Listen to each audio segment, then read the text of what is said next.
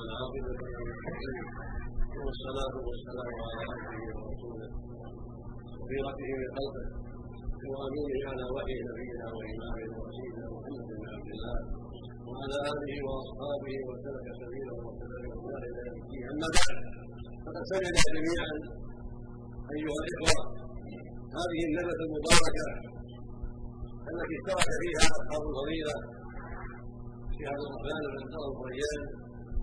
الشيخ الغزالي العيد الشيخ عبد الله بن عبد الرحمن العيد المتعلقه بفضل القرآن العظيم بتعلم تعليمه وادابه وتوجيه الناس إليه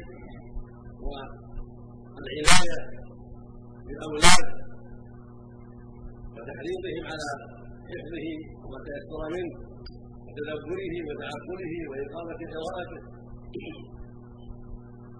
لقد سمعنا جميعا. هذه الندوه المباركه الطيبه وقد احسن أصحاب الفضيله واجادوا وبينوا ما ينبغي أن يبين ونصحوا لإخوانهم. فجزاهم الله خيرا. وزادنا وإياكم وإياهم علما وهدى وتوفيقا. ونفعنا جميعا بما سمعنا وعلمنا. وجعلنا جميعا من الذين يستمعون القول فيتبعون احسن الذين يستمعون القول فيتبعون احسن إن كتاب الله وحق الله المتين هو صراطه المستقيم هو ذكره الحكيم. من اتى به واستقام عليه نجا ومن حاد عنه نجا ولقد انزل فيه ربنا عز وجل ما انزل من الايات والأوامر والوصايا بهذا الكتاب.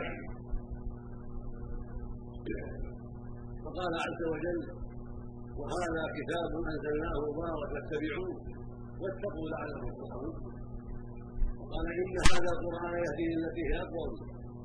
وقال كتاب أنزلناه إليك مبارك ليدبروا آياته وليتذكروا من الألباب. في آيات كثيرات تتعلق بكتاب الله عز وجل. خطب عليه الصلاة والسلام في حجة الوداع في آخر حياته. قبل وفاته بنحو من ثمانين ليلة.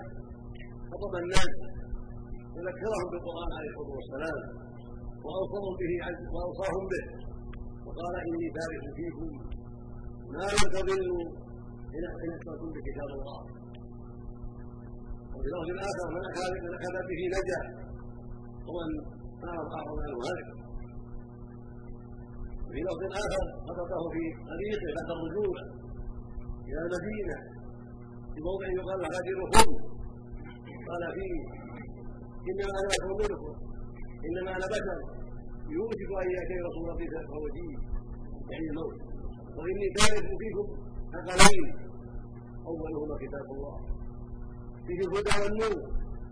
فخذوا بكتاب الله وتمسكوه تعسى على كتاب الله ورسوله ثم قال وأهل بيتي يذكركم الله في أهل بيته. ويذكركم الله في أهل بيته. عليه الصلاة والسلام. وقال جاءه عليه السلام حديث مسعود رضي الله عنه. أنه عليه السلام قال من قرأ حرفا من القرآن كانت له حسنة والحسنة كعشر أمثالها لا يطلب ألف لام من حرف ولا في ألف حرف ولام حرف